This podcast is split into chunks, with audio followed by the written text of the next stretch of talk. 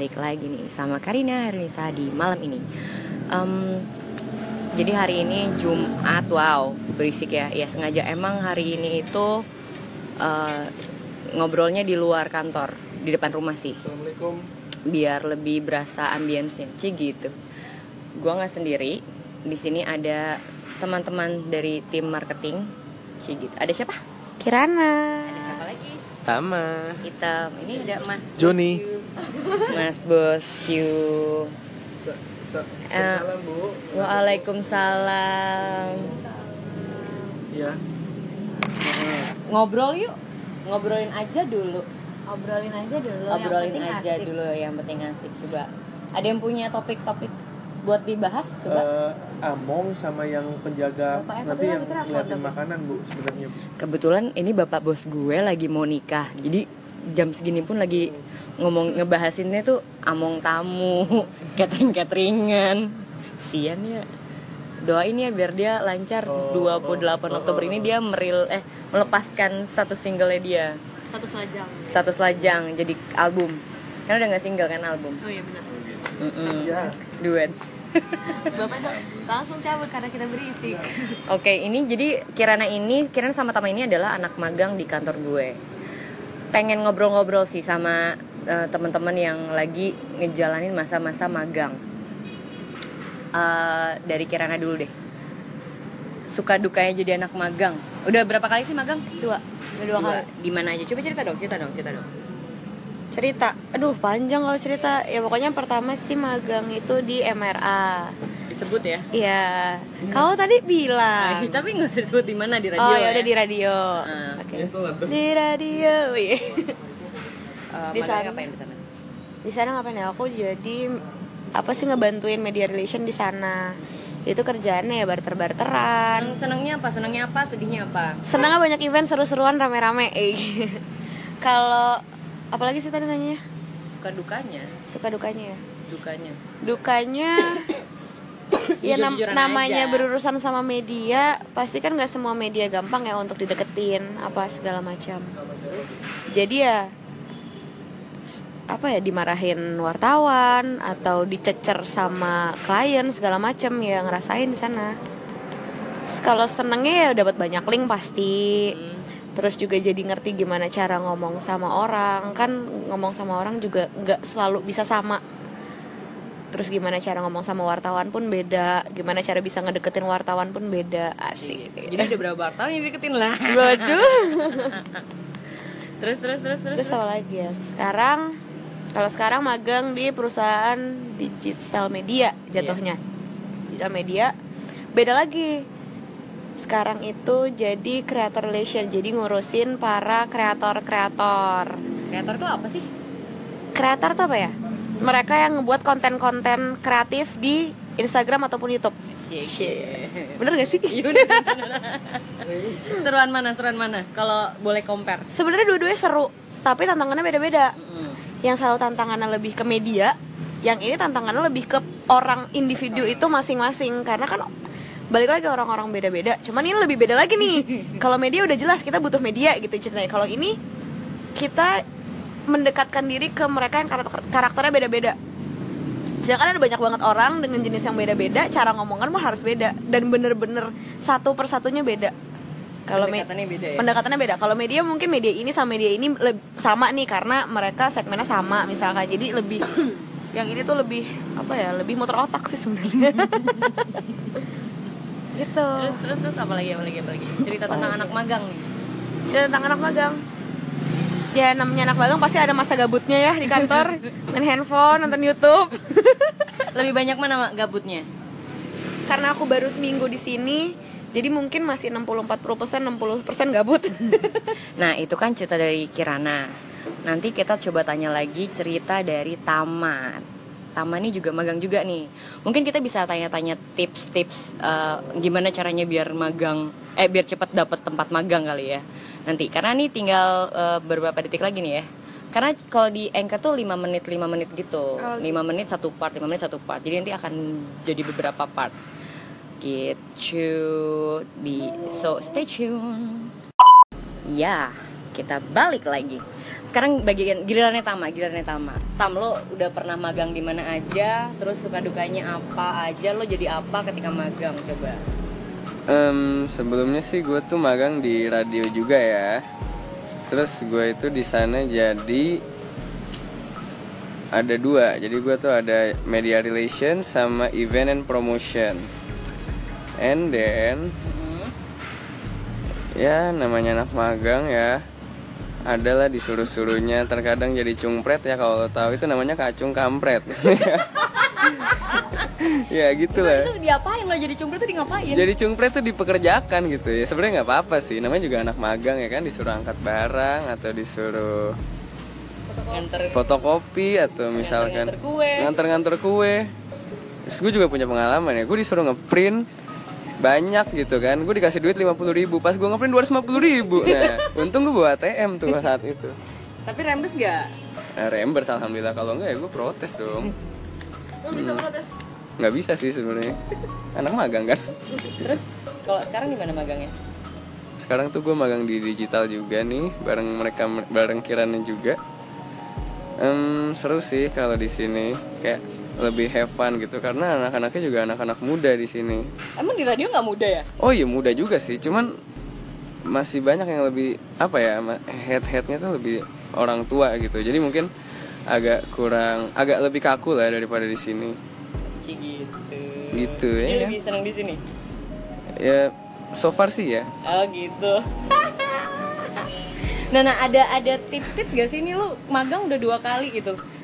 Coba kasih tahu teman-teman mungkin ada yang lagi eh, mungkin yang dengerin lagi mau mau coba masuk apa udah masuk semester-semester yang harus magang gitu. Ada tips-tipsnya nggak sih? Gimana caranya biar kita keterima di tempat magang yang kita tuju gitu. Dari Kirana. Kalau dari aku, gimana ya?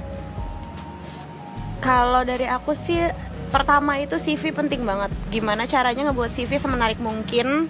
Abis itu masukin experience-experience yang nyangkut sama jurusan kalian. Kayak misalnya gue dari komunikasi, masukin experience ya yang dalam bidang komunikasi. Misalkan eh, apa ya pernah jadi humas ataupun itu pokoknya masukin itu bener-bener yang nyangkut paut sama jurusan kalian. Terus juga kalau misalnya emang pernah ada experience magang atau kerja atau part time ataupun masukin aja. Karena kan pasti dilihat juga kan kalian pernah ngapain, terus pernah bikin apa. Terus sama apa ya? Yang paling penting sih sebenarnya kalau buat cepet keterima magang adalah punya apa ya? Cari link sebanyak-banyaknya. Karena link itu sangat penting. Lo tam. Tips itu dari Kirana. Tips lo lo bisa dapat magang secepat itu gimana? ya karena link emang semua itu karena link relation tuh emang penting banget sih Sosial media menurut lo penting gak sih buat di maintain buat nanti eh, tempat kerja ataupun tempat magang lo itu ngelihat eh, sosial media lo? penting banget soalnya coba kalau misalkan lo masuk ke suatu perusahaan terus dilihat Instagram lo alay gitu kan kayak dia juga aduh ini orang kompeten gak sih kayak gimana ya ya gitu kak Karin ngerti gak sih aku juga gak ngerti sebenarnya gimana Oke di sini ada bapak head kita. Sekalian kita tanya aja. Eh, Sebenarnya kualifikasi yang akan keterima untuk jadi anak magang tuh yang kayak gimana sih pak yang dicari pak? Coba pak. Ini beneran. Beneran? Sebenarnya sih yang sesuai sama jurusan, sama sesuai sama yang perusahaan Kan nggak butuh. pakai video kenapa harus pegangin rambut ya? Jadi kalau eh, mau magang itu tentuin dulu perusahaannya mana, di divisi apa, job desk-nya apa gitu. Karena nanti endingnya laporan magang itu harus sesuai dengan jurusan kalian. Kalau nggak sesuai dengan jurusan kalian nanti fail tuh. Karena ada beberapa cerita nih. Pernah magang di beberapa tempat gitu ternyata failed gitu karena ternyata nggak sesuai jurusan. Nah itu tips yang paling penting pada saat magang itu adalah eh, tujuan kalian apa untuk magang, goalsnya kalian apa magang di sini, dan kenapa pilih tempat magang itu, gitu. Sebenarnya tiga poin itu sama tiga aspek itu sebenarnya penting penting banget, Sosial medianya penting nggak? penting karena sosial media itu adalah represent dari diri lo sendiri. Zaman sekarang itu sosial media itu adalah identitas. Kalau identitas mau dilihat sama orang dan lo mau dikenal sama orang, itu orang akan melihat dari sosial media. Seperti itu. Gitu? Iya. Gitu doang? Seperti itu. Gitu, gitu. Iya, iya. nah itu nah jadi itu tips-tips dan itu kan tips dari teman-teman yang lagi magang kalau kualifikasinya tadi langsung dari head of digital marketing dan eventnya uh, PT Rumah Kreatif in IVG Ci gitu. Tapi Pak, ini tuh anak uh, selama lo berkarir ya, selama lo bekerja, ini udah nerima anak magang yang keberapa sih Pak? Terus ada nggak sih cerita-cerita seru sama anak magang di beberapa tempat itu? Eh, di kantor ini nerima anak magangnya itu gue yang ketiga yang pertama waktu gue di digital advertising yang kedua waktu di media nah sekarang waktu balik lagi ke eh, agency advertising. Udah tiga kali nerima kalau yang pertama itu ada dua orang dari PNJ Politeknik Negeri Jakarta. Satu itu magang jadi sosial media satunya lagi jadi AE dan ternyata yang jadi AE itu sebenarnya passionnya adalah ngedesain. Waduh. passionnya dia sebenarnya desain. Terus gimana tuh? akhirnya satu bulan dia bilang gitu mas kayaknya aku nggak bisa deh jadi AE karena memang passion aku ngedesain ya. Sudah akhirnya kita karyakan mereka di bulan kedua dan bulan ketiga untuk jadi eh, desainer. Dan ternyata memang hasilnya memang bagus karena memang dia passionnya ngedesain gitu loh. Dan ditanya lagi ke kampusnya ada masalah nggak kalau kalian eh, role-nya diubah jadi desainer? Oh nggak nggak masalah mas. Nah yang kedua dari binus. Nah yang binus ini cukup mencengangkan sih. Pada saat banjir Jakarta tuh dia salah posting banjir Jakarta salah posting. Jadi waktu itu banjir di tahun 2000 eh, bukan banjir di tahun 2000 eh, 15 16 ya untuk Jakarta lumpuh.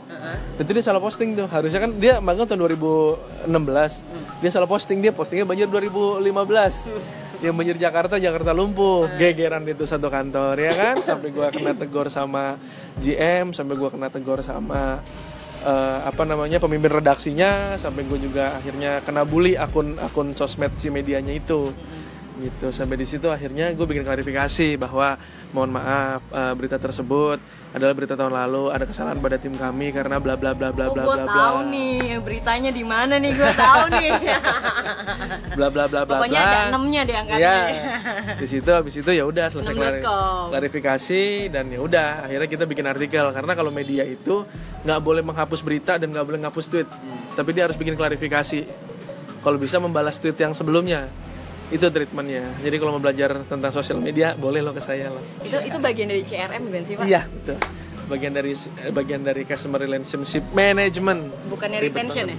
relationship. Oh relationship, gue belajarnya CRM tuh customer retention.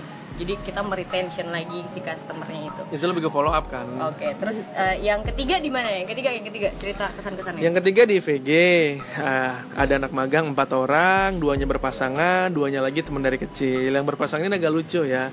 Eh, di satu sisi yang udah kenal manggilnya tamtem tamtem, di satu sisi panggil romantisnya Anggi. Gitu. Jadi apa ya seru sih. Eh, dapat anak magang yang energik, dapat anak magang yang matang dan udah bisa dilepas karena kita nyebutnya sebenarnya Pokemon bukan anak magang. Kalau anak magang formal banget gitu. Nyebutnya Pokemon. gitu. Nah Pokemon udah punya bola ternyata. Bolanya itu modal buat dia untuk keluar, buat dia ngejalin relationship, buat dia nge-build ataupun nge-develop relationship. Habis itu eh, mereka juga tahu gitu loh. Gimana cara ketemu, gimana cara ngobrol, sama gimana cara maintain si klien sampai akhirnya oh ya udah kita percaya nih sama anak-anak magang kita bahwa anak-anak magang kita nih emang punya value, punya eh, basic yang bisa dijadikan eh, bahan dasar untuk mereka nanti masuk ke dunia kerja. Jadi buat teman-teman semua yang mau masuk dunia kerja, mau masuk dunia profesional, sekalipun kalian mau menjadi seorang entrepreneur, lebih baik bekerja dulu, lebih baik kalian membangun karir profesional dulu. Karena kenapa? Sebagai seorang pengusaha itu yang dilihat itu adalah pernah nggak sih ini orang bekerja di sebuah company atau pernah nggak sih si- ini orang punya track record sebagai seorang profesional untuk apa? Untuk membangun trust. Karena ketika orang sudah trust dengan kita akan lebih mudah untuk orang tersebut eh, menjadi seorang entrepreneur dan punya basic atau punya eh, experience di eh, dunia bisnis. Terima kasih. Pinter banget ya. Duh, gemes nih sama bosnya nih. Hmm, bosku gemes banget nih. nah, itu kayak gitu tuh ceritanya tuh tentang eh, permagang-magangan gitu. Ya mungkin siapa tahu bermanfaat sih buat kalian-kalian yang lagi dengerin dan kebetulan emang lagi nyari tempat magang gitu. Jadi perbanyaklah link-link, jangan perbanyak mantan sama kenangan. Nah, itu kan tadi tuh eh, bahas soal peranak magangan. Jadi tema episode kali ini tuh ngobras, ngobrol ngobrol bebas. Jadi gua akan ngobrol se bebas-bebasnya saking bebasnya sampai suara eh, motor pun masuk jadi ambience nah ini lagi menarik nih kalian pernah nggak sih ngalamin yang namanya dapat pekerjaan dapat panggilan kerja dari social media ya we all know kalau eh, profesional social media itu kan ada LinkedIn ya kebetulan Mas Indra ini tuh juga punya banyak eh, pengalaman dengan LinkedIn LinkedIn. Mari kita tanyakan. Jadi gimana sih Pak LinkedIn itu tuh penting apa nggak sih Pak? Fungsi nggak sih? Coba Ma- Mas Indra nih gue yakin punya banyak hmm, apa ya? Pernah dipanggil-panggil, pernah dicolek-colek kayaknya sih. Kalau dari muka-mukanya tuh muka-muka LinkedInable banget gitu. gitu ya Hmm, Berapa perusahaan Pak yang ditolak? coba, coba, coba. ngobrolin apa nih LinkedIn LinkedIn. Eh, LinkedIn itu salah satu eh, sosial media set yang harus dipunya sih sama seorang profesional dan non profesional. Kenapa orang akhirnya bisa tahu kalian punya pengalaman apa, orang bisa tahu kalian pernah ngerjain project apa, dan orang bisa tahu interest kalian tuh sebenarnya di dunia apa sih, profesional ya, dunia kerja.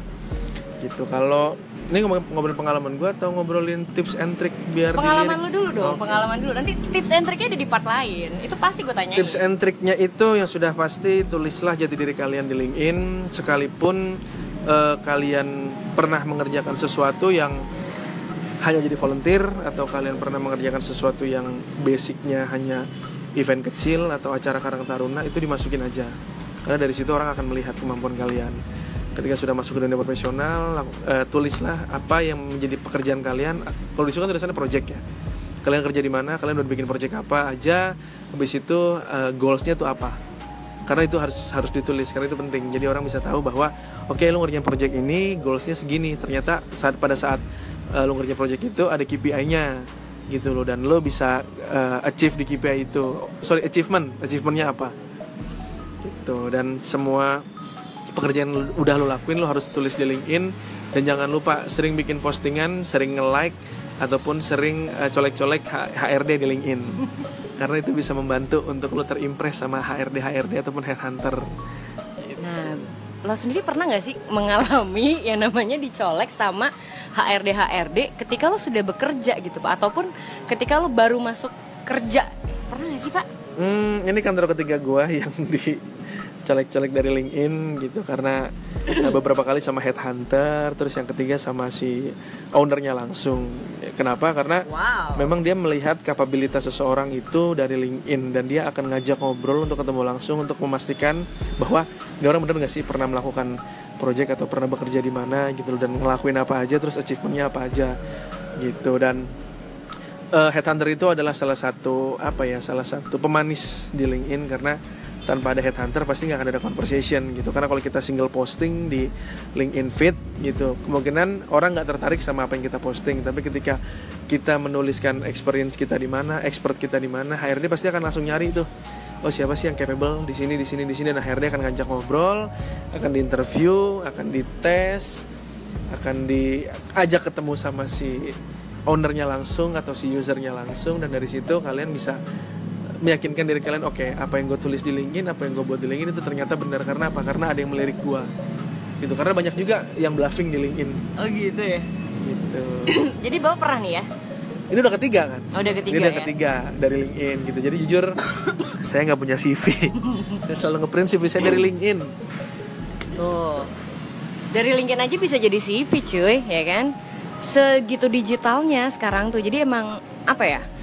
Sosial media itu udah kayak CV digital ya, Pak ya? Betul. Setuju gak sih? setuju Setuju ya. Dan HRD itu sekarang melihat loh orang ini dari sosial media benar kata Tama tadi karena sosial media itu merepresent banget apakah ini orang capable, apakah ini orang kredibel nggak sih untuk masuk di company ini? Karena ketika lu sering melakukan head speech, ketika lu sering uh, nyinyir dengan sesuatu hal, itu kan menjadi pertimbangan HRD bahwa oke, suatu saat lu kesel dengan perusahaan akan lu sebar keburukan perusahaan dan itu sebenarnya bisa jadi backfire sih buat individu apalagi buat seorang profesional. Tuh, jadi jangan suka nyinyirin kerjaan, ngeluhin kerjaan di sosial media, apalagi di Twitter, Bu ya. Eh, mendingan nyinyirin gebetan aja. So guys, that's it for today ngobras kita hari ini dari ngomongin tentang anak-anak magang sampai kita ngebahas tentang intro to uh, dunia profesional gitu. gimana caranya kita mengelola akun sosial media kita yang jadi CV digital yang nantinya bakalan dilirik sama headhunter ataupun uh, perusahaan-perusahaan yang emang lagi butuh tenaga kita gitu. So, hmm, jangan ninggalin jejak-jejak, jangan ninggalin masa lalu yang alay lah di sosial media. Daripada nanti lo nyesel ya, Bo, gitu. Mendingan uh, pakailah sosial mediamu untuk mensupport tim sepak bola uh, favorit lo aja gitu. Dan tunjukkanlah kalau lo itu memang worth it gitu untuk di hire ya ngomongin um, si Oxford mau dibalikin lagi ke Arsenal juga boleh. Kasihan sih itu dia. But that's it for today ya. Dah sampai bertemu lagi di ngobras-ngobras selanjutnya. Mungkin nanti bakalan ada tamu-tamu lain ataupun ada Mas Indra lagi atau ada anak magang lagi. Gue nggak tahu. Sekepikiran gue aja nanti ya. Enak ya. Konten aja gue pikirin. Gimana calon suami